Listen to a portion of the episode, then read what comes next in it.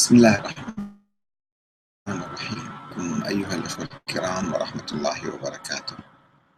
نتحدث اليوم عن الصابئة. من هم الصابئة؟ من عبد عبدة كواكب. يعني حديث مبسط وليس بحثا مفصلا جدا وإنما نلقي بعض الضوء على الصابئة. يرد اسم السابعة في القرآن الكريم في آيتين. هما إن الذين آمنوا والذين هادوا والنصارى والصابئين من آمن بالله واليوم الآخر وعمل صالحا فلهم بهم ولا خوف عليهم ولا هم يحزنون. البقرة 62 في آية أخرى آمنوا والذين هادوا والصابئين والنصارى والمجوس والذين أشركوا إن الله يفصل بينهم يوم القيامة. إن شيء شهيد. الحج 17 وكما يلاحظ في الآية الأولى فإن الله عز وجل وعدهم ضمن الأديان الأخرى بالأجر في الآخرة والأمن من العذاب بشرط العمل الصالح. بينما ترك في الآية الثانية مصيرهم لله تعالى. الذي يفصل بينهم يوم القيامة. القرآن الكريم في الحديث عن السابعة ولم يذكر عقائدهم بنقد ولم يعتقد كتاب في نفس الوقت. كما لم ينسبهم إلى نبي من الأنبياء. نعرف هل كانوا موجودين في الجزيرة العربية في أيام الرسول الأكرم محمد صلى الله عليه وآله وسلم؟ وهل التقى أحدا منهم؟ أو احتك به أو دعاه للإسلام ولكن الجيش العربي الإسلامي العراق بعد انتصار في معركة القادسية سنة 15 للهجرة تعرف على حيث تقدم أحد زعمائهم بردنقة أنش لا. تقدم من القائد العربي المسلم سعد بن أبي وقاص وعرفه بدينه. له كتاب الصابع. اسم الكتاب كنزة ربة. وأخذ منه الأمان لقومه باعتبارهم أهل كتاب. وهكذا بدأ فقهاء الإسلام يعاملونهم منذ أن تعرفوا عليهم. أي يأخذون الجزية منهم ولا يجبرونهم على تغيير دينهم كانوا يفعلون مع المشركين. وقال عنهم السدي إنهم فرقة من أهل الكتاب. وقال ابن راهو لا بأس بذبائحهم لأنهم من أهل الكتاب. وأفتى الإمام أبو حنيفة بجواز أكل ذبائحهم ونكاحهم للزواج منهم. كما يقول الكاتب الصابئي العراقي عزيز إسباهي في كتابه أصول الصابئة المندائيين ومعتقداتهم الدينية وسوف نتحدث أنهم ينقسمون إلى قسمين. صابئة مندائي مندائيين وصابئة حرانيين في الجزيرة.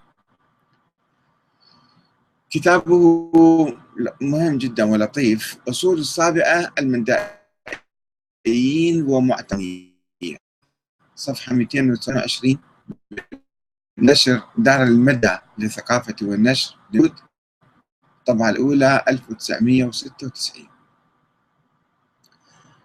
أما اسم الصابئة فهو يعني بالآرامية التعميد والارتماس بالماء. المصدر السابق يشرح ذلك صفحة 32 وحسب ما نقرأ في كتبهم وكتب المسلمين عنهم فإنهم يؤمنون بالله واحد لا تلحقه صفة. ويؤمنون بالأنبياء ويوم القيامة والحساب والجنة والنار والصراط والميزان والملائكة. ويتوضؤون ويسمون الوضوء رشامة. رشامة. رشامة يعني الوضوء.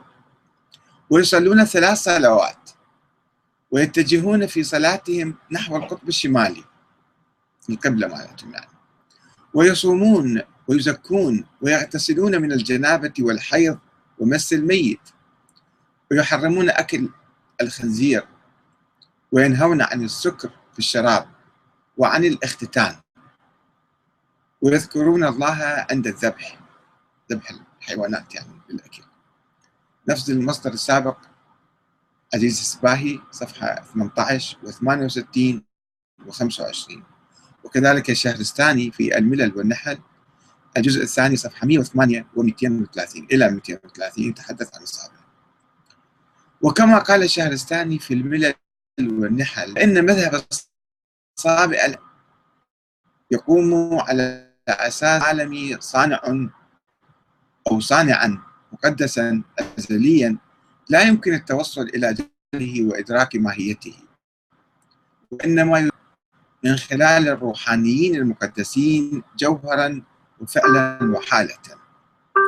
ويتطلب هذا تطهير الأنفس عن دنيات الشهوات والتضرع والابتهال بالدعوات وإقامة الصلوات وبذل الزكوات. والقوى النورانية تستمد القوة من الإله الأعلى وتفيضها على الموجودات السفلى. يعني يعني غير الناس هو سماوية. يقول المصدر السابق صفحة 222 ويرى الصابئة في الشمال البقعة الأقرب إلى عالم النور هكذا يعتقدون. وفي هذه البقعة بالذات يعتقدون أن هناك جبل مقدس يأتي منه الوحي ومنه ينبع وينحدر الماء الحي وبعيدا في الجنوب تقع مملكة الظلام. هكذا يعتقدون. وينسب الصابئة المندائيون تأليف كتابهم الكنز ربا إلى آدم. يقول آدم هو الذي النبي آدم أبو البشر يعني أنه هو الذي ألف هذا الكتاب. هكذا يعتقدون. نحن ورثة آدم. يعني هم من آه، أتباع النبي آدم. ولديهم كتب أخرى أهمها دراشة ديهيا دراشة ديهيا وكتاب الطقوس الدينية. كتاب آخر كتاب الطقوس الدينية. دراشة دي يعني قد يكون من درس يحيى ديهيا ديهيا يعني. وينزل وينزلون النبي شيث ابن آدم هكذا يعتقدون. ويدعون ينزلون هذا النبي منزلة خاصة. ويصفه أدبهم بصفات رفيعة وطبقا لما جاء في الكنزة كنز ربا فإن شيت تحول إلى كائن كائن روحاني يعني.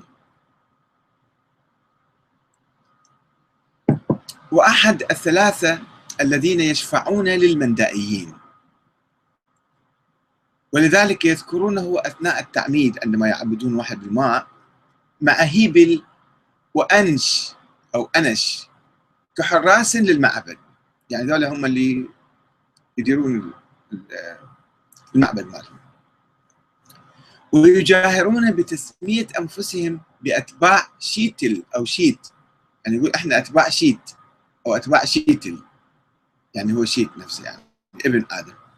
حتى أن المؤرخ والجغرافي الإسلامي ياقوت الحموي اللي آه، توفى سنة 1020 ميلادية قبل حوالي يعني 800 سنة كتب في معجم المشهور عند هذا عن سكان مدينة الطيب في جنوب العراق هذه أنهم لا يكفون أنهم على دين شيت. هذا يؤيد القول هذا هو ماخذ من عندهم يعني. وكل المعلومات تجدوها في المصدر السابق اللي هو آه، عزيز الزباهي اللي كتب عن المندائيين 167 و 750 و 54 و 164 و 165 معلومات أنا جمعتها يعني ما أستطيع الآن في كل نقطة أذكر المصدر لا من هذا الكتاب. وذكر ابن النديم في الفهرست أنه اطلع على مخطوطة قديمة تقول إن الصابئة آمنوا بإبراهيم وحملوا عنه الصحف التي أنزلها الله عليه. هذا أيضا برأي آخر. هذا المسلمين يكتبوا عنهم. المصدر المصدر السابق صفحة 28 فلماذا يسموهم أتباع النبي يحيى؟ المشهور أن ذولا أتباع نبي يحيى عليه السلام. هم يقولون إحنا أتباع نبي آدم أتباع نبي شيت مثلا. والعبر شيت طبعا نوح إبراهيم وكذا. فهم آه، يربطون مصدر النبوة أو مصدر الأول للبشرية. وللنبي يحيى ابن زكريا مقام كبير لديهم.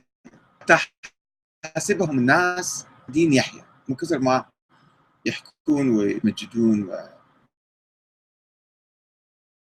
المقدسة من كتبهم المقدسة كتاب دراسة ديهيا دي يهيا دي يهيا يعني يحيى. آه، دراسة يعني مثل دراسة. أو كتاب يعني. ويضم هذا الكتاب مجموعة التراتيل الأدعية يعني والنصوص التي تتحدث عن يحيى ونشأته وهجرة الناصرائيين من فلسطين إلى الفرات. كان مجموعة حول آه، حول فلسطين نهر الأردن يتعبدون ويتعمدون ثم هؤلاء هاجروا إلى الفرات فهم انتقلوا إلى جنوب العراق. في ماء كثير وكذا. ف آه، يتحدثون في هذا الكتاب يتحدث آه، النبي يحيى ونشأته والناصرائيين وهو هذا الكتاب يتضمن 37 قطعة نص يعني تدور حول حياة يحيى المعمدان وتعاليمه. وتتحدث الرسالة 18 من هذه من هذا الكتاب عن ميلاد يحيى بصورة إعجازية أن أمه كانت عقيم مثل ما مذكور في القرآن الكريم يعني. وولد في وقت متأخر. بعد أن بلغت والدته اليصابات آه، اللي اسمها عندهم أنشباي بلغت الثامنة والثمانين كما يذكر القرآن الكريم. والصابئة يعتقدون أن يحيى القرآن ما يذكر 88 بل بلغت من الأمر أتية يعني. والصابئة يعتقدون بالذات هو الذي حدد الصلوات بثلاث يوميا ثلاث صلوات يوميا. بعد أن كانت خمسا من قبل. فأحدث نوع من التجديد في الدين.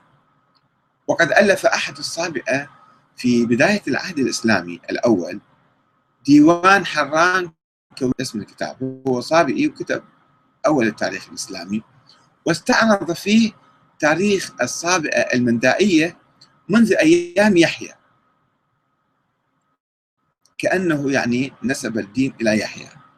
وربما كانت عندهم جذور أو بذور قديمة من الأديان السابقة بس النبي يحيى هو تقريبا نبيهم الجديد العظيم الأخير اللي أحيا هذا الدين.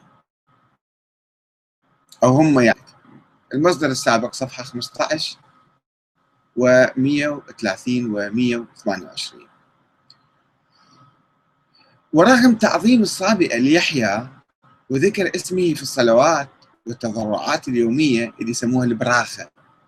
البراخة يعني الأدعية هذه. والصلوات أسوة يذكرون اسم يحيى النبي يحيى أسوة بأسماء الملائكة والأسماء لديهم.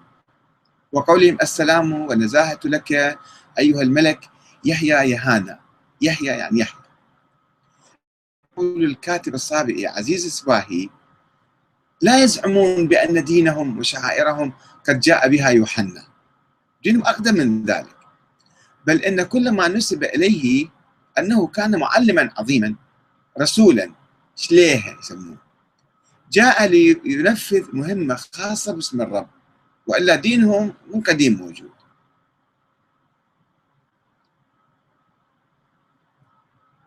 المصدر السابق صفحة 124 وإذا اعتبرنا إيمان الصابئة بآدم وشيت وإبراهيم كأنبياء سابقين اعتبرنا هذا الشيء طبيعي يعني طبيعيا. فإن إيمانهم بالنبي يحيى وتعظيمهم له يعتبر في الحقيقة ثورة على التراث اليهودي. إذ, يحمل إذ, يحمل إذ يحملون اليهود مسؤولية قتل يحيى ويعتقدون أن تدمير أورشليم وتشتيت اليهود على أيدي الرومان إثر ثورة اليهود الأولى عام 66 ميلادية. جاء انتقاما من الله على قتلهم يحيى الإنسان الطيب الورع. كما يقول مصدرنا آه، عزيز السباهي في صفحة 137 وفي حين لا نجد في تراث السابقة أي إشارة إيجابية إلى أنبياء بني إسرائيل. ما في أي ذكر لهم. فإنهم أيضا لا يكنون أي ود للنبي عيسى ولا يعترفون به. ويشكك الأدب الصابئي يعني كتاباتهم وأبحاثهم. الأدب الصابئي المندائي بوصف عيسى يسوع المسيح مو هو يسوع المسيح. يشككون في ذلك. بل يرى فيه مسيحا دجالا. مو كان مسيح يعني حقيقي مسيح دجال يعتبروه. المصدر السابق صفحة 123 ويعتقدون بأن يحيى هو المسيح. طبعا المسيح صفة هي يعني الممسوح بالدهن المبارك يعني. ويحيى وعيسى تقريبا متقاربين كانوا. يحيى قبل عيسى وهو الذي عمد عيسى. فاعتبروه هو هو اللي آه، المسيح اللي كانوا ينتظروه اليهود السابقين. وهذا الخلاف بين السابقة وبين المسيحية في النظره إلى عيسى. يعود إلى تلك الفترة الأولى التي حدث فيها الخلاف بين أتباع يحيى وأتباع عيسى. في البداية كان في لا منو المسيح منو فالمسيحيين ربما يحترمون يحيى أيضا ولكن الصابئه أتباع يحيى المعمداني اللي قبل المسيح كان لم يعترفوا بعيسى. هل هم قية منطوية ولديهم أفكار سرية أخرى؟ هذا الشيء المكتوب اللي كتبوه هم واللي كتبوه المسلمين عنهم بهالمعلومات الأولية المعروفة واضحة يعني. ورغم كل هذه المعلومات التي حصل عليها المسلمون وغيرهم عن السابقة الذين بحثوا وجدوا هذه المعلومات. رغم كل المعلومات إلا أن الغموض لم يزل ولا يزال يلف عقيدتهم. ولا سيما بعد ادعاء الحرنانيين أنهم صابئة. الحرنانيين الخليفة المأمون كان يمر عليهم وشافهم وشاف عباداتهم يعبدون النجوم وقال لهم أنتم منو؟ والان آه نتحدث عنهم وذلك عندما آه مر الخليفة العباسي المأمون على حران. حران في شمال سوريا في طريقه لحرب الروم. فسألهم من أنتم؟ هل يهود أو نصارى ما هو كتابكم؟ فاتهمهم بالزندقة وعبادة الأوثان. حسب رواية ابن النديم في الفهرست عن يوسف القطيعي النصراني اللي كان هو شاهد القصة. يعني أيضا شهادته شوية فيها شك أنه هذا نصراني دي يهاجمهم أو دي يعاديهم المهم يعني ابن النديم ينقل هاي الرواية أن المأمون آه، هددهم أو سألهم آه، عن واحد آه، اسمه يوسف القطيعي هو نصراني. وتوعدهم بالاستئصال والقتل عند عودته من الحرب. قال أنا إذا حرجع وأقتلكم كلكم إذا ما أسلمتم. لو تسلمون لا تقولوا لي أنتم منو. ورفض أخذ الجزية منهم. قال أنتم مو مسيحيين مو نصارى مو يهود حتى ناخذ الجزية من عندكم فأنتم مشركين وأنا راح أقتلكم. لو لو تعلنون الإسلام. فأسلم بعضهم وتنصر بعضهم وأعلن بعض آخر أنهم صابئة. قالوا لا إحنا لا يهود. ولا نصارى إحنا صابئه اللي مذكورين بالقرآن حتى ينجون أنفسهم. وبما أن الحرنانيين حرنانيين بالنسبة إلى حران يعني. وبما أن الحرنانيين كانوا يقيمون نصبا وتماثيل للكواكب فقد اتهم الصابئة أو اتهم الصابئة بصورة عامة بعباده الكواكب والنجوم. يعني صار الوصف على كل رغم انه ربما المندائيين غير دول الصابئه اللي كانوا في حران. بس راح الصفه جت عليهم كلهم. أن دول يعبدون الكتاب والباحثين وكذا المسلمين صاروا عبدة نجوم واتهموهم أو اتهموا هؤلاء بأنهم وثنيون كما يقول الشهرستاني إنهم تحدثوا عن الكواكب والأفلاك ونسبوا إدارتها والإشراف عليها إلى القوى النورانية في السماء وأن الانفعالات في الطبائع طبائع الناس والعناصر تنجم عن حركة هذه الأفلاك. المصدر صفحة 122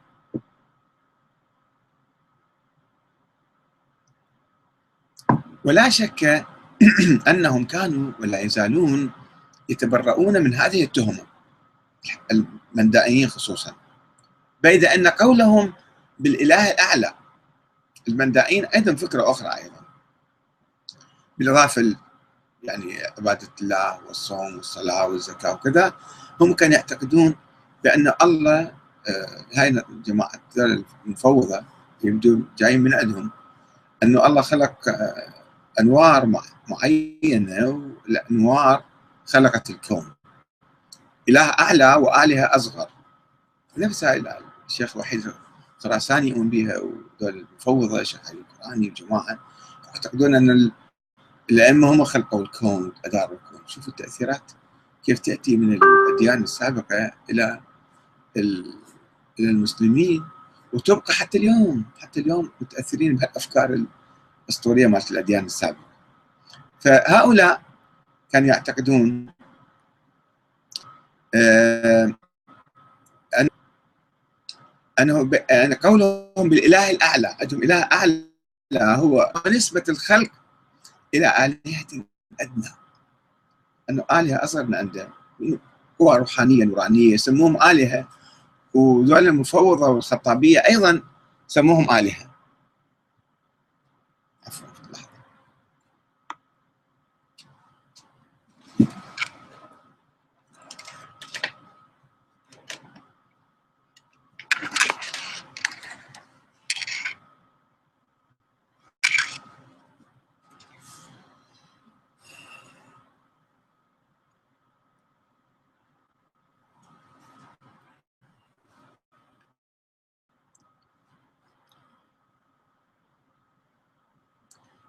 ولا شك أنهم كانوا ولا يزالون يتبرؤون من هذه التهمة من تهمة عبادة الكواكب والأفلاك. بيد أن قولهم بالإله الأعلى ونسبة الخلق إلى آلهة أدنى يلقي بظلال من الشك على عقيدتهم التي يحرصون على تغليفها بالسرية والغموض. يعني مو صريحين جدا وكاشفين كل عقائد وما حد حتى السابق نفسهم ما يعرفوا إلا الشيوخ وال يعني العلماء عملاتهم فقط هم عندهم الكتب ويحدثون ب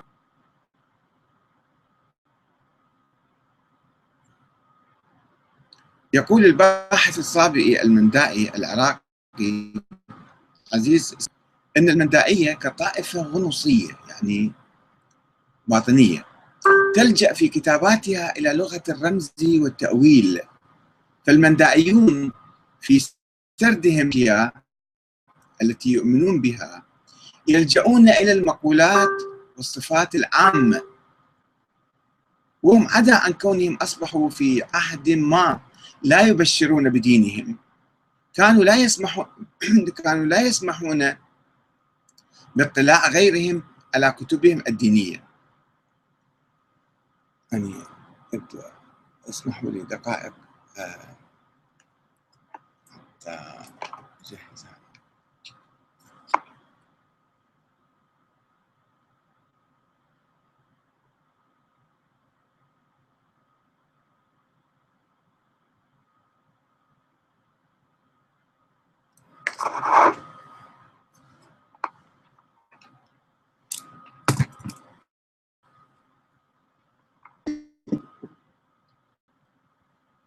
معذرة على حدوث هذا الخلل التقني آه، حتى نتواصل معكم. أفضل. الصابئي المندائي العراقي عزيز السندائية كطائفة غنوصية تلجأ في كتابات الرمز والتأويل فالمندائيون في سردهم للميثولوجيا يعني عقيدتهم ونظرياتهم التي يؤمنون بها يلجؤون إلى المقولات العامة والمعاني المجردة تارة وإلى تشخيصها تشخيصاتها تارة أخرى. ويضيف إن إن المندائيين شديدو الانطواء على أنفسهم. وهم عدا عن كونهم أصبحوا في عهد ما لا يبشرون بدينهم كانوا لا يسمحون بإطلاع غيرهم على كتبهم الدينية.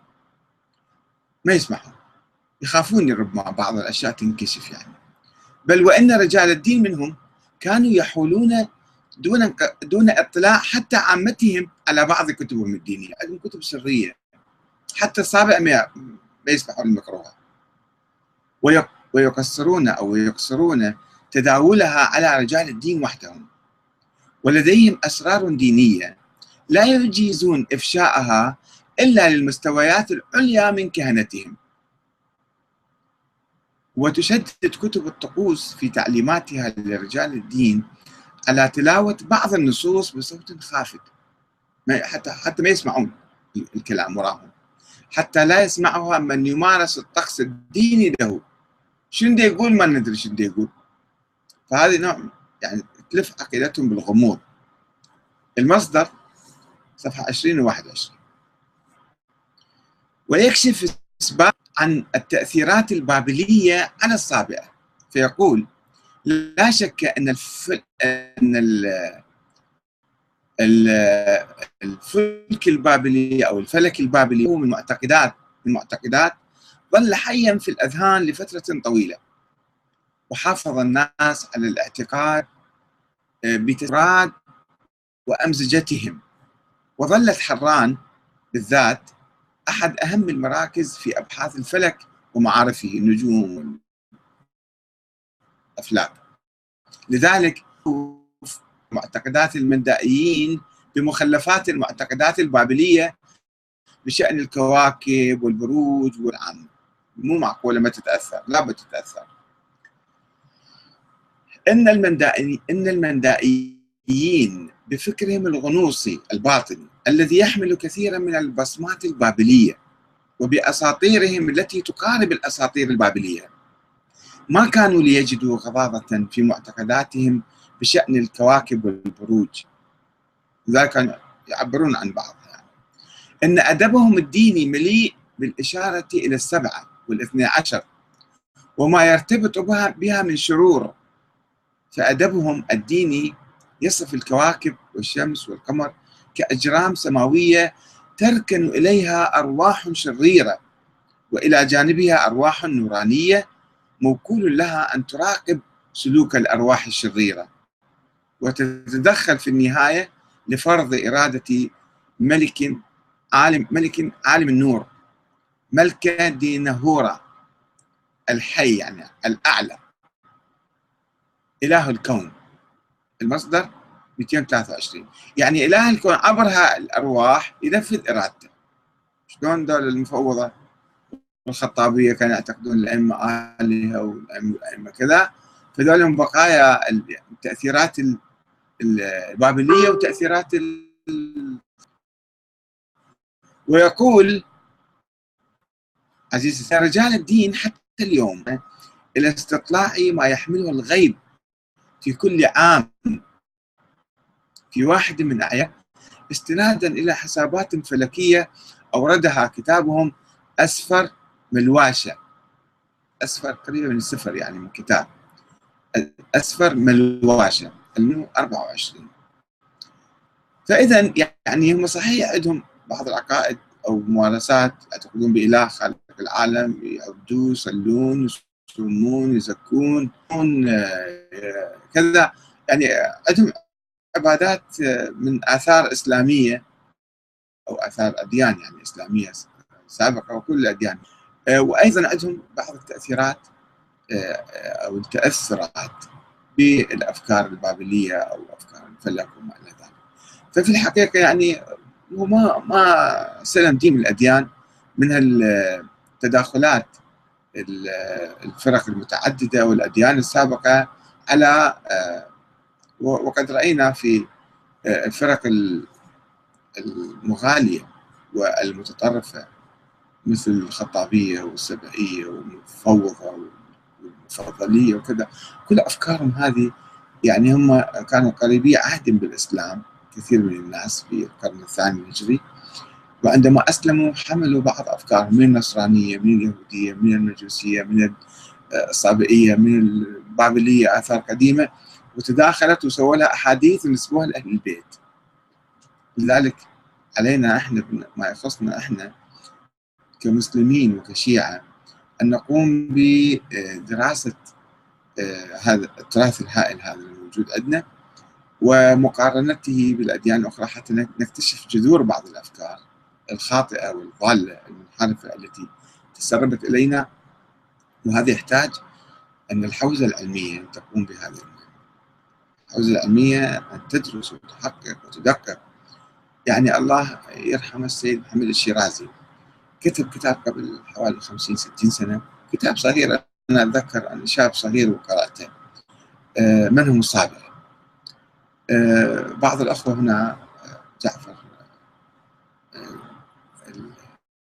هذا الكتاب يعني مو علمي مو صحيح مو كذا. في أشياء مو معقولة أو ينسبها بدون دقة. صحيح لأنه هو شاب كان ذيك الأيام السيد الشيرازي رحمة الله عليه السيد محمد الشيرازي. وراد يكتب كتاب عن عن المجوس وعن كذا. فكتب كتاب سريع وكراس صغير جدا يعني. وضمن ما قرأه يمكن بعض الكتب بصورة عامة. المهم المفروض يعني في الحوزات العلمية. كما في الجامعات. آه، أن تدرس الديانة المجتمعات المحيطة بها. آه، آه، التيارات. والآن هناك حركة علمية واسعة في العالم. يروحون إلى أي تجدون تخصصات مختلفة مختلف شعوب العالم. دراسات معمقة. أساتذة مختصين بكذا بكذا بالفرقة الفلانية بالفرقة الفلانية. مو هالشكل يعني يأخذون الأمور. حتى يفهموا العالم بصورة جيدة ويستطيعوا أن يتعاملوا بصورة جيدة ويستطيعوا أن يؤثروا على تلك الفرق والأديان والشعوب والمجتمعات بصورة أفضل بالنسبة لهم. حتى الوهابية حتى السعودية. عندهم جامعاتهم عندهم كتب ودراسات وتخصصات يأخذون ماجستير ودكتوراه وفعلا يتعبون ويدرسون دراسات آه، بمختلف الفرق والأديان يمكن عندهم نظرات خاصة عليهم. حتى عن فرقة الاحباش أنا عندي كتاب هنا في المكتب. كان ضخمين. واحد آه سعودي شو اسمه سموه. كاتب كتاب واحد فرقة الاحباش فرقة صغيرة في لبنان فرقة صوفية. عندهم بعض المساجد في بيروت وطرابلس وين. مسوين بحث معمق عنهم 500 صفحة 1000 صفحة يمكن جزئين ضخمين يعني حركة علمية وهم يستفيدون من معرفة العالم فضلا عن الشيعة وفضلا عن الشيخية وفضلا عن كذا. عندهم دراسات متعددة. بينما حوزتنا عليه السلام هاي الحوزة النائمة الحوزة الأمية لا تبحث ولا تدرس ولا تتابع ولا تعرف شنو أكو حواليها. واحد في العالم قبل 50 60 سنة بذكر رأسه صغير يكتب عن الصابع. وما يدري بيش معلومات دقيقة أو مو دقيقة. ليش؟ لأنه حوزتنا أمية. فعلا أمية مو علمية.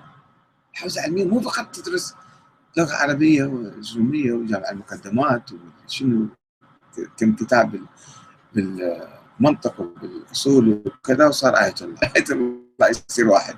لازم واحد فعلا يبحث يدقق يحقق يحم بعثات في العالم حتى يتعرفوا على العالم ويجيبوا المعلومات يقدموها إلى طلبة العلوم الدينية.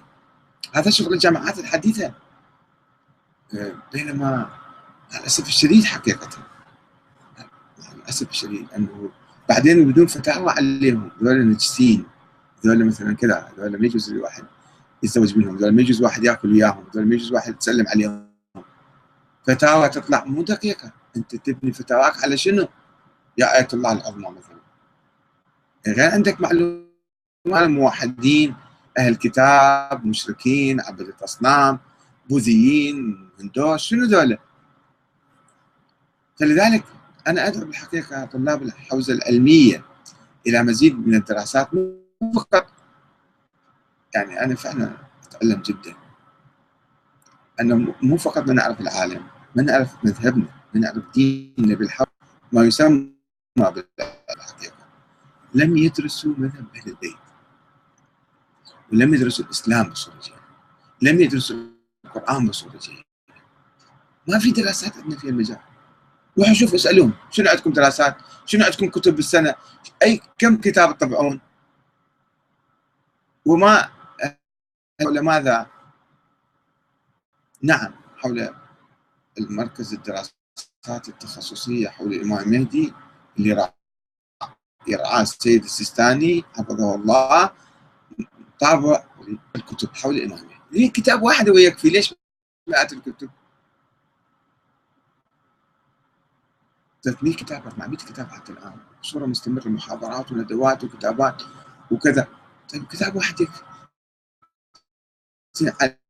بقية العلوم بقية الملوك بقية الأديان بقية العقائد. مو معناته إذا أصدرنا كمية كبيرة من الكتب في موضوع معين صرنا علماء في هذا الموضوع. لا كتب دعائية كلها. ما في أبحاث حقيقية عميقة يعني.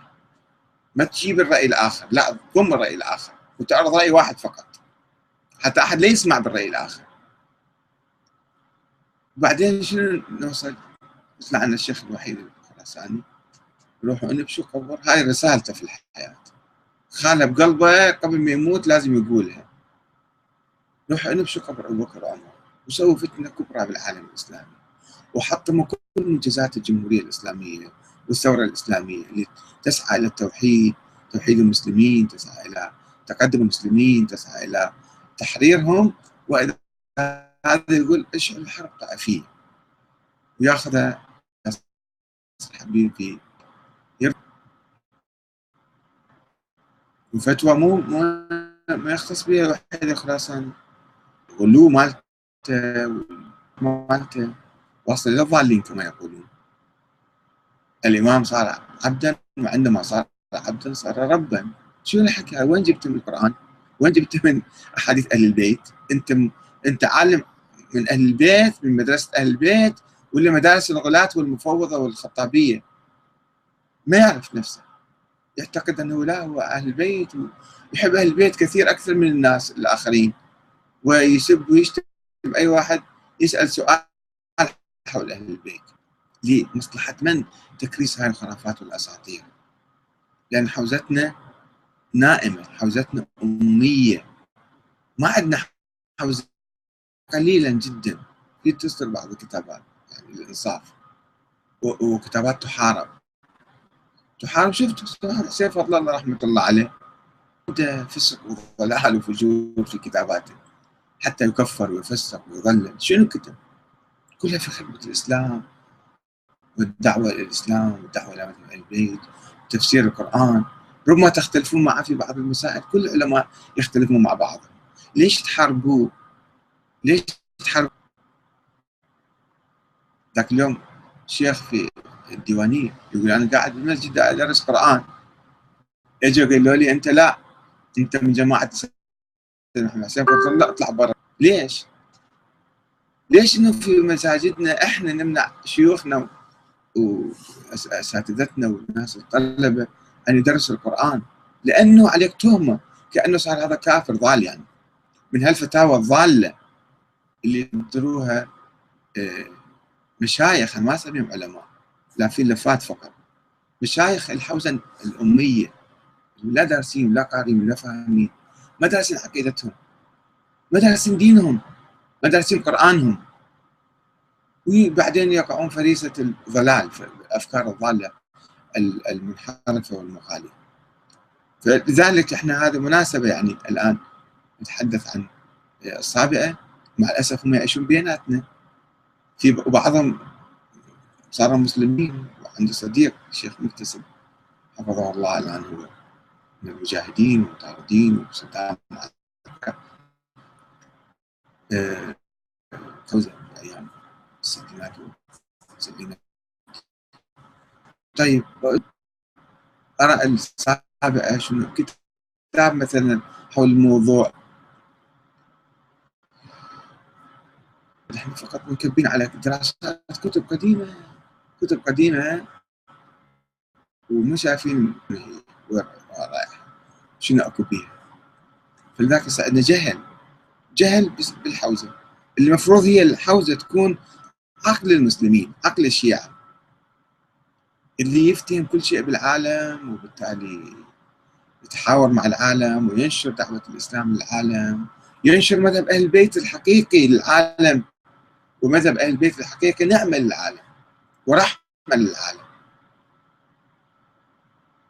ولكن ما عندنا للأسف الشديد أي واحد تكلم كلمة يقول لك ها أنت صرت آه أنت ضد التشيع ضد مذهب جعفر الصادق. لا يا أخي مو ضد مذهب جعفر الصادق. أنا أدعوك إلى أن تتعرف بصورة مو أنت كل وقتك مثلا بالشغل أو مو يم الأمور هذه. وإذا شفت في العالم اجى قال لك في كلام سرعة تقوم تقذف عليه أحجار.